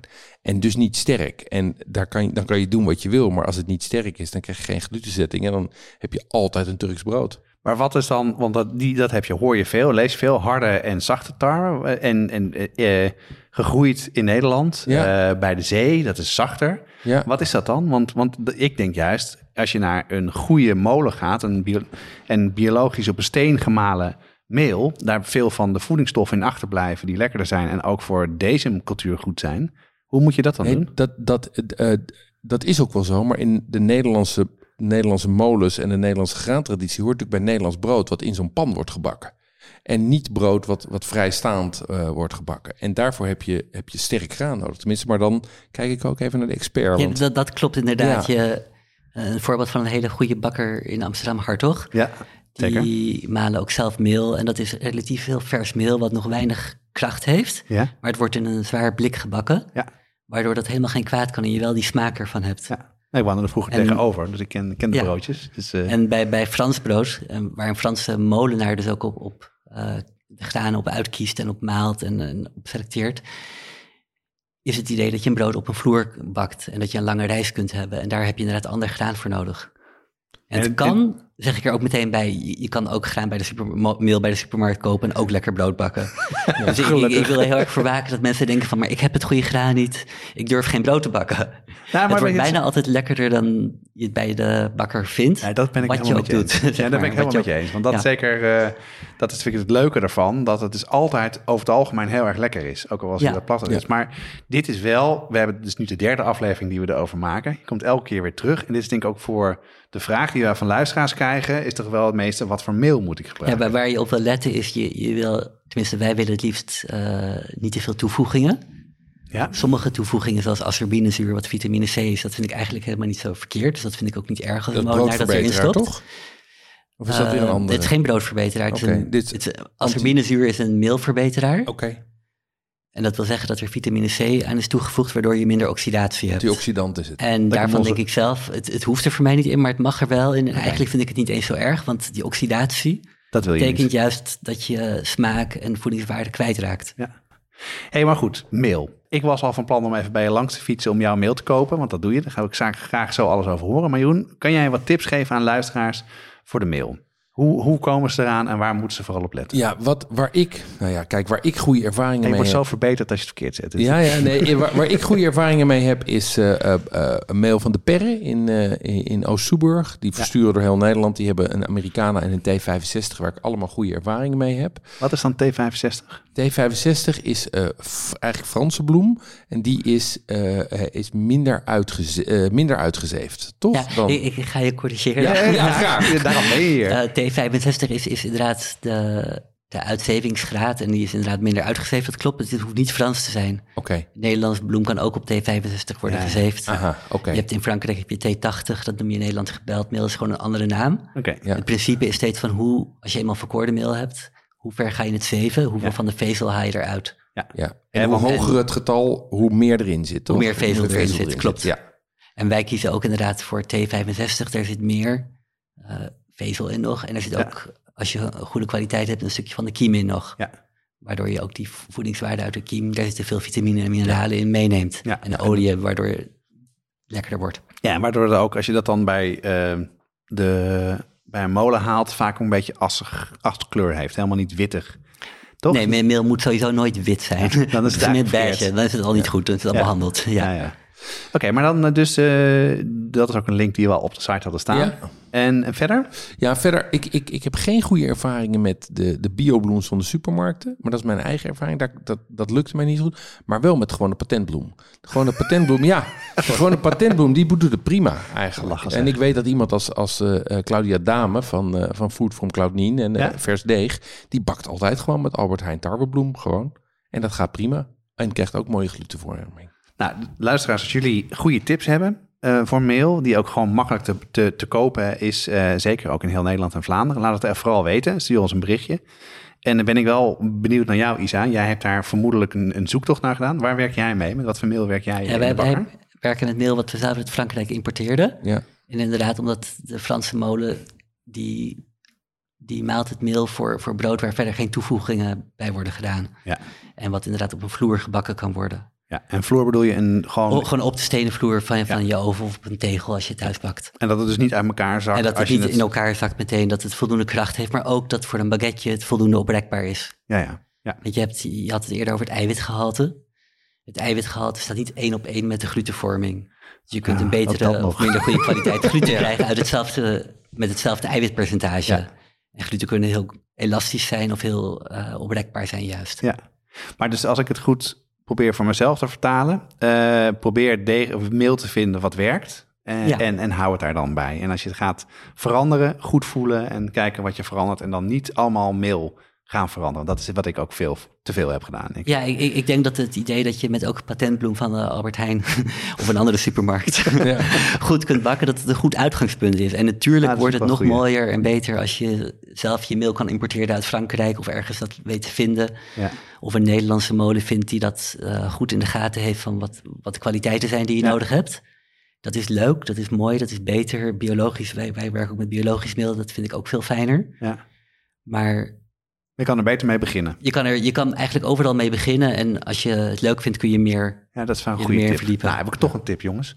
Beginnen met patentbloem en dan rustig uitbouwen. Niet te veel dingen veranderen. Ja, en, en het belangrijkste is eigenlijk wat je ermee doet. Ja. Van niet te veel kneden, eh, voldoende rijst geven, gevoel ontwikkelen voor wanneer het dan klaar is om te bakken. Oké, heel goed. En Jeroen, ehm, nu hebben we het vooral over zuurdesem gehad. Ja. En een beetje zijdelings over een aantal andere eh, dingen die je gemaakt hebt. Maar jij, jij zei ook van nou, ik ga... En ik zag ook al meteen weer foto's op je Instagram. Stokbroden hier en daar. Ja. eh, de- het is aan volgens mij weer Ja, bij je. ja, Ehm, dit heeft je heel erg geïnspireerd. ja. Ehm, vertel daar wat meer over. Wat, wat, eh, Ja, eigenlijk, eigenlijk heb ik vier dingen gedaan, eh, vier dingen opgepikt waarvan ik dat wil ik, dat, tuurlijk, Ehm, d- die ik, eh, eh, waar ik mee aan de gang ga. Eerst is stokbrood. Daar ben ik ook al mee begonnen. Ehm, daar was ik toch een beetje beducht voor. Maar ik, heb, nou ja, ik heb daar, ben daar gewoon aan het werk gezet om stokbroden te vormen. Dus ik dacht, ja, zo ingewikkeld is dat helemaal niet. Ehm, of tenminste, het is wel ingewikkeld. Maar als je het een keer is voorgedaan, dan is het een stuk makkelijker dan wanneer je het helemaal uit filmpjes moet halen. Ehm, dus stokbroden is één. Twee is, ik ga zeker ook bakken met gist. Maar dan wel bakken met vertraagde, eh, met vertraagde rijst. Want dat is eigenlijk, dat was voor mij een inzicht dat ik me helemaal niet realiseerde. Is dat het hem niet zozeer in zuurdesem aan zich zit. Maar het zit hem vooral in dat vertragen van die rijst. Dus ik ga bakken met gist. Dus minder gist. Ja, dan minder gist en korte en lange rijst. Ja? Ehm, croissants vond ik ontzettend leuk om te doen. En dat wil ik ook eh, gaan eh, beheersen. En, en patisserie, dat ik zeg de patisserie, maar dan niet zoals Holtkamp hem doet, maar zeer meer zeg maar de, van, de, van, de, van de Franse bakker. Dus de tarteletjes en de cakejes, ehm, daar wil ik ook graag mee aan de gang. Dus Ah, ik, eh, ik kom de winter wel door. En hoe maak jij je stokbrood, Isa, in de bakker? En wij werken ook met een, een, een lange koude rijst. We gebruiken heel weinig gist. In Nederland zou je het een dezenbrood mogen noemen, omdat je het niet hoeft te vermelden als je weinig gist gebruikt. Oh, vandaar ja. Maar het is bij ons een gistbrood, maar dan met een minimale hoeveelheid. Ja? Eh, een lange, e- eerst een net ietsje warmer of gewoon op kamertemperatuur voorrijst en dan een hele lange koude narijst. 24 uur of zo. hè? 24 uur Ja. ongeveer. Ja. En we zorgen ervoor dat eh, de voorrijst voldoende is om, om een mooi luchtig deeg te krijgen. En de narijst niet te sterk is bij een stokbrood, waardoor die nog wel heel mooi kan openbarsten. Dus de rijst is wel lang, maar we laten hem niet zo ver ontwikkelen dat hij niet meer openbarst in de oven. Oké, ja, dus het niet dat... Dus eh hij moet nog een beetje kracht hebben. Ja, oké. Ik wou zelf ook nog iets over deze met gist zeggen. Wat, het leuke is van een gistbrood, is als je met weinig gist werkt en een eh, lange rijst, dat je dan heel erg mooi de smaak van het graan zelf kunt proeven. Oh, wat grappig. Dat Dat het niet wordt met- overpowered door dan het Het wordt niet meer overpowered door het zuur. Ja, Ja, ik, ik ken het En, wel en dat van... is zeg maar, wij, wij maken ook zuurdesembrood, dat maken we ook niet te, te zuur. Daar kiezen we ook voor, voor een wat mildere zuurde smaak. Ja? Maar die is toch dominant. En die haalt toch een Ja. stukje van, van het noodachtige van het graan ook heeft, eh, weg. Ja, daar herken Dat, daar maken het. we eigenlijk, we maken of zuurdesembroden of Ja. gistbroden, allebei, maar niet gemengd. En daardoor heb je die twee verschillende smaken die allebei hun eigen plekje hebben wat mij betreft. Grappig. Nee, Ja. ik, herken het heel erg van, eh van pizzadeeg maken. Eh, daar dat ik ook mee begonnen ben om dat dus ja, 24 uur van tevoren te doen. En dan gaat er ook echt een mini hoeveelheid gist in. En dat wordt ook hartstikke lekker. inderdaad. Ja. ja, ik ben er dus eh, zelf mee gestart, overigens met wisselend succes. Gelukkig. Ehm, ik, vond het, ik vond het shapen en het bakken vond ik echt nog wel oefenen. Want natuurlijk het, het hanteren van zo'n van zo'n zo, zo'n lange, zo'n lange slang eh, aan deeg is toch wel heel anders dan een, een bol. Ja? Ehm, eh, en dat bakken is dus ook ingewikkeld, want je bakt hem dus ook niet in een Dutch oven, maar je bakt hem op een steen. Dus ik heb bij een van mijn buren een stoeptegel opgehaald en die eh, in de oven geschoven. En, ehm, en, daar, en die, daar moet je hem dus zeg maar met zo'n met zo'n schieter, met zo'n zo'n zo'n zo'n plank, leg je hem daarop. Ehm, en daar was overigens wel heel nuttig dat ik ook bij, eh, bij Isa stage heb gelopen. Want dan leer je dus ook hoe je hem vanuit je reis in, op een soort plankje legt. En dan met het plankje op eh, je schieter en dan met je schieter in de oven. Ja. Ehm, staat overigens ook allemaal in zijn boek. Maar om dat een keer aan de lijve te ondervinden, dat neemt toch wat van de, wat, wat van de, wat, wat van de drempels weg. Hey, en dan die steen, hoe lang eh, warm je die voor? Ik warm die twee uur voor. Ja. ja. Dus en, en het bizarre is, eigenlijk moet je dan meer bakken dan vier stokbroodjes. Want ik sta dan dus, nou ja, die, staat, die oven staat twee uur te loeien. En die, is, die staat dus om vier uur 's middags, is die gewoon nog warm, die steen. Dus Ja. eigenlijk zou je dan, ja, moet ik toch productie gaan draaien voor de buurt, ben ik Ja. bang. eh. ja. Je, je kan ook kijken of je na één uur ook warm genoeg is. ja. Ik Ja. vermoed als je een goede oven hebt, dat het Ja, dat ga ik ook Of een dunnere proberen. steen misschien? Zo, of een dubbele steen, dan heeft Een hij weer dunnere langer... steen. Een Dunnere- dunnere steen, ja. Maar Ja. ik denk dat een uur is best wel lang om, om een steen voor te vormen. Maar ik wilde ook even, hij kwam natuurlijk gewoon van buiten, dus ik wilde hem ook even goed, eh, goed zeg Ja. maar, uitdampen. En, eh, Dat ziet dan, eh, ja, de eerste ja, keer. Ja, de eerste Ja. keer, ja, ja, ja. Dus uh, ja. Dus, dus dat is gist. En, maar wat ik je hoor zeggen met dat gist is dus weinig gist en een lange reis. Ja. En, en waarom is een lange reis dan zo belangrijk, Isa? Omdat je een aantal processen hebt in het meel die, daardoor de, die daarvoor de tijd krijgen. Die zorgen dat je een heel smaakvol, sma- smakelijk brood krijgt en een mooie krokante korst. Je, krijgt, uh, ter, terwijl het deeg staat te rijzen, Ja. is dat enzym amylase alsmaar bezig zetmeel om het af te breken en er suikers van te maken. Ja. Tijdens het bakken vervolgens verbinden die suikers zich weer met eiwitten. Uh, Dat noem je de Maillard-reactie. Ja. En dat geeft brood Ja. een heel eigen bijzondere smaak. Ja. Dat gebeurt in de korst. ja. Ja, Om ja. een mooie knapperige korst te krijgen, wil je voldoende suiker in je deeg hebben. En dan wordt hij wat bruiner van, ja. Daar wordt hij wat bruiner, wat knapperiger. Ja. Eh, En die, die smaak uit de korst, die, die best wel uniek is, die Ja. trekt ook weer in, het, eh, in de kruim terwijl het brood afkoelt.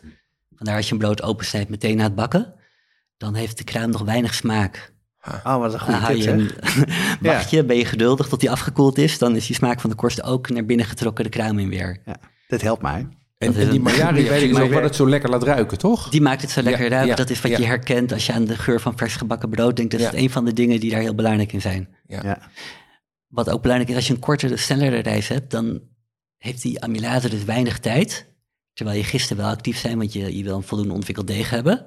Dus je kiest voor wat meer gist of een wat warmere temperatuur. Suiker. En die gist, die eet de suiker weer op. ja. Ja. Waardoor je dus een veel zachtere korst krijgt Ja, ja. en minder smaakontwikkeling. ja. De andere kant van smaakontwikkeling zijn de bacteriën in het deeg. Zelfs in een gewoon deeg, een gistdeeg wat je lang, daar, ge- daar gebeurt meer. Ja, Ja. want dat, Er daar worden allemaal- het proces begint daar al. Precies, het proces begint er eigenlijk al. Ja. En die smaakontwikkeling die proef je ook in een deeg met een lange reistijd. Werk je met een dezem, Ja.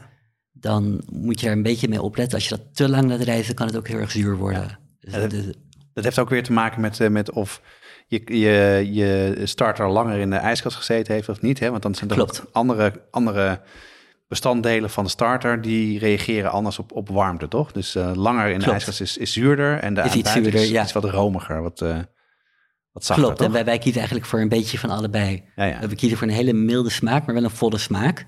Waar verschillende soorten bacteriën die melkzuur maken, die azijnzuur maken, de kans krijgen. En je kunt ook als je een deze alleen maar uit de koelkast houdt, wat, wat jij thuis doet, dan heb je eigenlijk vooral die melkzuurbacteriën. Ja. En dat is ook heel erg lekker. Het is een, het is een deel van het smaakpalet. Ja, wij willen een beetje van, van de azijnzuur, maar niet te veel. Ja, ja. Maar dat betekent dus ook dat als je met weinig gist bakt en lang laat rijzen, althans dat denk ik dan, dat het ook makkelijker verteert. Omdat dat Ja, het, wordt wat, het klopt, het, deeg wordt wat zuurder.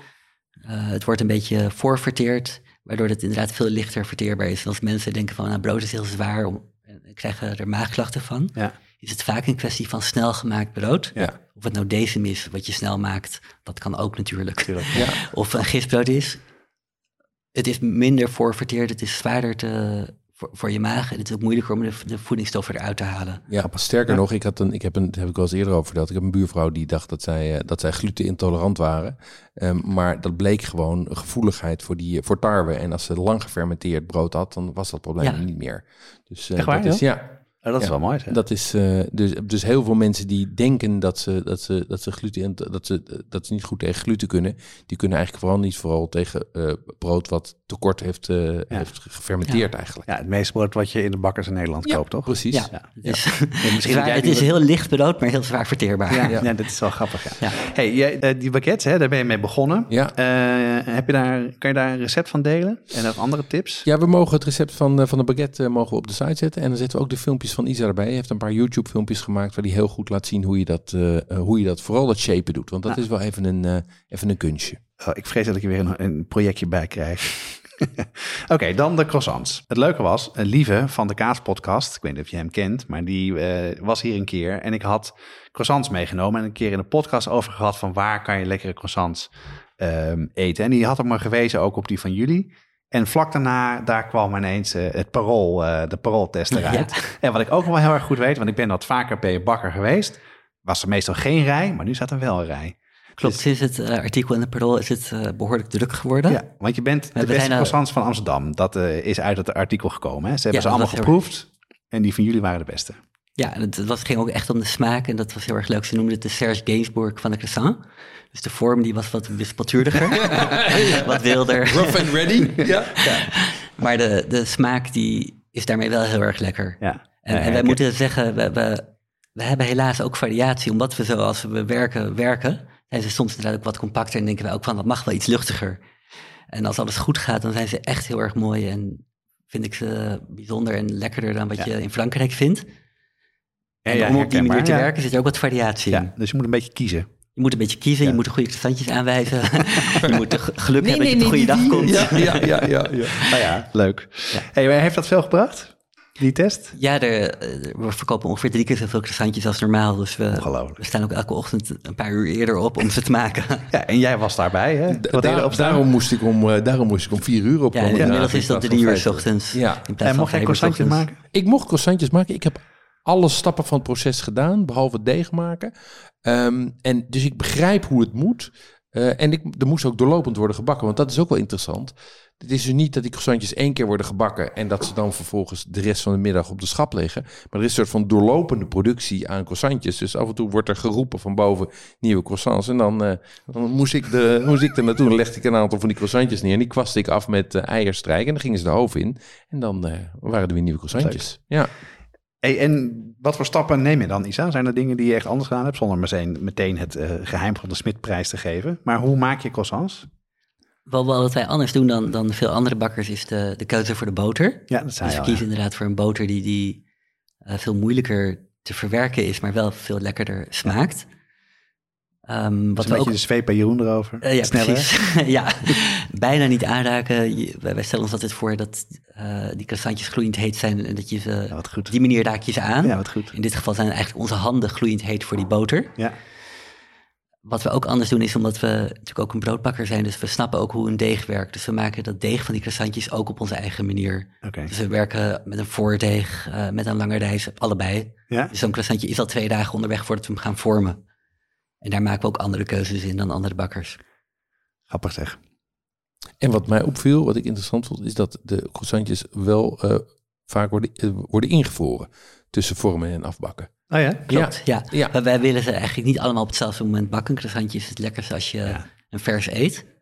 En wat wij doen is op het moment dat een croissantje eh, bijna klaar is om te bakken, dan vriezen we het croissantje in, kort, niet, niet langdurig, want dan moet je andere gist gaan gebruiken, dan, dan moet je, je je recept gaan aanpassen.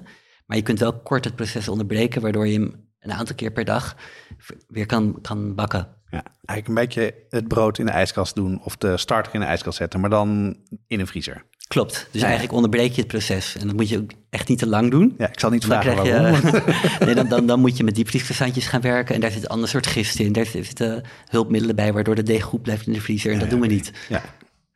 Hey, en jij kan dus nu fantastische croissants bakken, Jeroen. Nou, dit is, dat is mijn projectje. Eh, als, ik, als, ik die, eh, als ik die baguettes door heb, dan ga, ik, eh, dan ga ik met de croissants van start.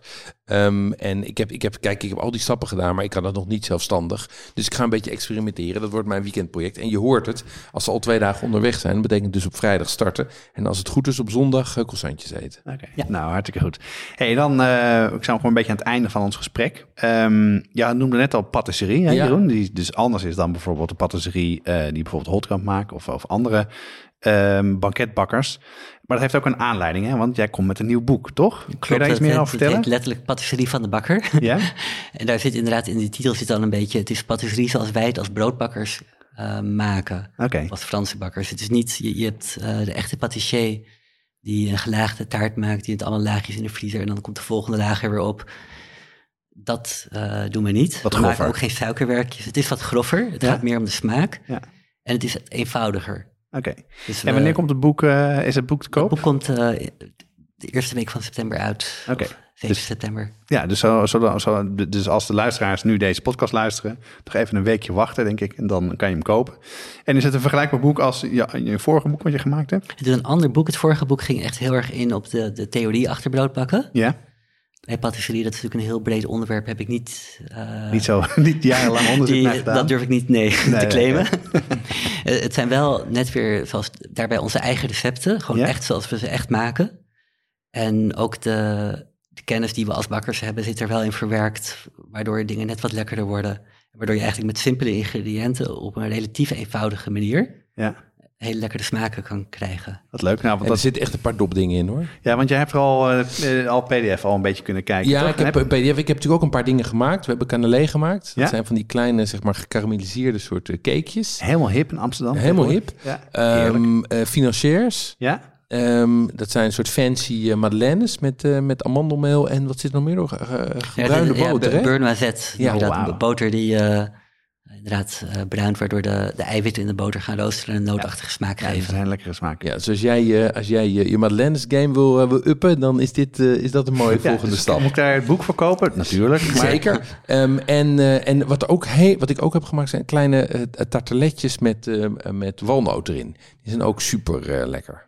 Oké, dus als ik die financier wil maken, dan koop ik het boek. Maar kunnen de luisteraars eh, ook nog... eh, We zetten het recept van de financier zetten we op, het, eh, eh, zetten we op, het, zetten we op de site. Oh, leuk. Ehm, eh, maar dat boek zou ik sowieso kopen. Ja.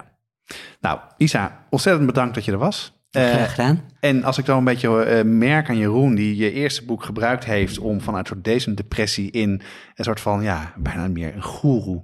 Die is Ik, ik ben helemaal zin. Ja, ja, de, ik heb de, echt- touw of, de touw of breadbaking. Ik heb jou echt meerdere keren lopen grillen om eruit te krijgen. En ik heb wel wat tips eruit gekregen, maar... eh, dus dat is, dat is gelukt. Dus ik vermoed dat jouw nieuwe boek daar ook eh, in gaat werken. En dus voor heel veel mensen heel toegankelijk is. En nou, en dat leuke wat je, wat je vertelt, wat ik uit gesprekken haal... dat dingen vooral om smaak gaan. En ik geloof meteen dat dat daarin zit. Nou, mocht je in Amsterdam zijn, ga zeker even langs bij de bakker. Wat zijn goede momenten dat het niet, de rij niet te lang is voor de croissantjes? Ja, de, de... je kunt in de namiddag komen en is het stiller. Wat zeg je? In de namiddag is het een stuk stiller dan in en de je bakt ochtend. ze er continu. Dus, We, we bakken ze door. Op een gegeven moment stoppen we ermee. Oké, We- omdat dus middags- zo na de lunch. Ja, ik, ik zou zelf zeggen, maar dan snijd ik mezelf in de vingers. Ik zou lekker vroeg komen. Ja. Als alles net uit de oven komt. Ja. Ja, Ja, en dan kan je jou ook bezig zien beneden. klopt. Ja, en dan is het ook prachtig, want dan ligt die winkel dus helemaal... Je begint in een lege winkel en die vult zich in de loop van de ochtend.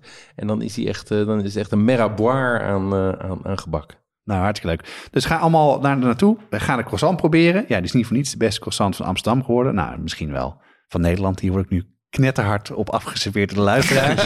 maar ik durf het wel aan. Isa, bedankt voor je tijd. En bedankt ook dat, eh, nou, dat, Jeroen, eh, dat je Jeroen, van Jeroen een, eh, een broodgoeroe gemaakt hebt. Dankjewel, Isa. Dankjewel, graag gedaan.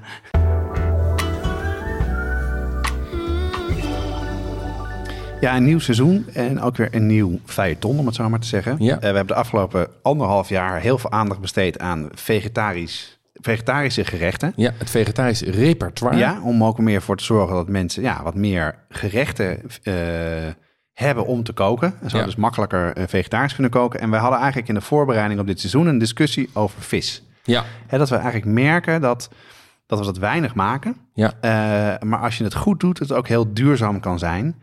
Eh mits je dus wel weet waar je de vis vandaan haalt. Eh, en we dachten eigenlijk van ja, het is ook wel tijd om daar wat meer de spotlights op te zetten. Dus eh, daarom gaan we nu bij elke aflevering een visrecept behandelen. klopt. Het feuilleton van de afslag. Van de afslag, dat was hem ja. En Ja. jij hebt nu iets uitgekozen hè? Ja, ik begin met een klassieker. Ehm, eh, zoals, zoals je weet, zoals ik net ook al zei, is mijn schoonfamilie is Zeeuws. Die eten veel vis, of die zaten in de vis zelfs. Oh ja. En hun klassieker zijn bakkertjes. Wat zijn dat? Ja, bakkertjes zijn eh, tongetjes of scholletjes die je eh, gewoon even door de, eh, door de bloem haalt en dan in roomboter bakt.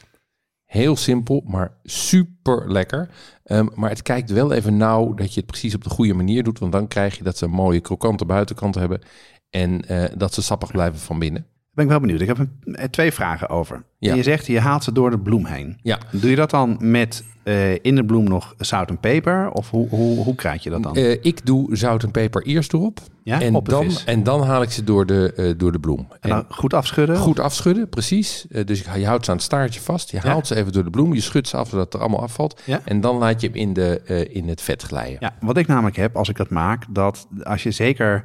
Het lekkere is dus dat, dat ja, de buitenkant een beetje krokant wordt. Ja. Dat je de graatjes eigenlijk dan kan eten. In Ja, plaats die, van dat... die, je hebt die buitenste rand van graatjes, die moet dus ook krokant zijn dat je Ja. op kan eten. Maar bij mij verbrandt de boter altijd. Hoe doe jij dat dan? Ja, je moet hem, je moet hem zeg maar midden hoog vuur zetten. Dus je zet hem aan het begin. Ja, dat, dat is heel duidelijk. Ja, bij mij, ja. Bij, bij mij, bij mij op, de, eh, op, op hoog. de inductie is het een 7 met een puntje. Ja, maar ja, ik, van Paul. ja wat, nou, eh, Nou, maar wat- laten we maar, dus middenhoog vuur, dus niet te hoog. Maar ook niet te laag. hoog, precies. Ja. Niet te hoog. Ehm, hij, moet een re- hij moet wel een tijdje bakken, zodat hij Ja, de zij- die zijkant echt de gelegenheid krijgen om mooi krokant uit te bakken. Dat is langer dan je denkt waarschijnlijk. Ja, iets langer dan je denkt. Ehm, eh, tegelijkertijd ook weer niet te lang, want dan wordt hij droog. Ja, maar hij zit op de graad waarschijnlijk. Dus Hij het zit- gaat exact. minder snel dan een filet. Exact, dus die houdt hem goed. Ja. En En dan komt een volgende vraag. Want Ja. dan is dus het omdraaien. Daar Ja. ga ik bij mij altijd, dat wordt een slagveld. mhm, Hoe zorg je ervoor dat, dat, dat je het omdraait eh, en dat er toch de vis heel blijft? met twee spatels. Aan beide kanten. Dus je steekt er een spatel onder, precies. En je legt er een spatel op en dan Oh. keer je hem om. Oké, dat is een goeie. Ja, dus dat is, de, dat is de truc, want dan breekt hij niet door. Ehm, en daarnaast inderdaad een, een ro- groot genoeg pan is belangrijk. Ehm, en ik heb een ovale pan en ik Ja. gebruik gewoon een plaatstalen pan. Ehm, eh, maar je kan ook een anti-aanbak nemen. Of eigenlijk maakt het niet zo heel veel uit, Ja. omdat je er zoveel vet in doet. Hey, er zit e- echt wel, er zit echt wel zeg maar een, een halve centimeter, nee, dat is overdreven. Er zit, zit een paar millimeter eh, vet zit erin. En wat eet je er dan verder bij? Wat is lekker om erbij te eten? Ehm, klassiek eh, eh, bij ons in eh, Zeeland zijn frietjes. Ja? Gewoon frietjes uit frituur. Daar hebben we een hele aflevering over. Dus dan kan je ook nog... You can go places. Absoluut, ja. Ehm, maar als het voor door de week is en je hebt geen zin om het hele, de hele rattenplan tevoorschijn te halen... ehm, dan zijn gewoon nieuwe gekookte aardappeltjes of puree zijn ook heerlijk. Hey, en doe je er nog verder met een saus overheen? Of, dus, ik doe Nee. vaak dan geen citroen door de saus en een Nee, beetje boter ik doe, ik doe, ik eet gewoon helemaal natuurlijk. Ah, ja. ja. mijn schijf citroen om erover uit te knijpen, maar verder niet. Nou ja, heerlijk. Oh, ga ik lekker maken. Ja. Elke twee weken op donderdag staat er een nieuwe aflevering klaar. Meld je op de site aan voor onze nieuwsbrief. Zodra een aflevering live staat, ontvang je een e-mail met alle recepten en andere leuke informatie. Deze podcast wordt gemaakt door Jeroen Doezet en Jonas Nouwen. Het team bestaat verder uit Corianne Straathof, Annie Tasselaar, Paul Veldkamp, Cato van Paddenburg en Jesse Beurkunk. De mooie muziek is gecomponeerd door Nico Brandsen en Ton Dijksman en uitgevoerd door Mel en Vintage Future. Reacties kan je sturen naar uh, jeroen.watschaftepodcast.nl of jonas.watschaftepodcast.nl of je stuurt een DM via een van onze socials. Tot de volgende keer. Tot de volgende keer.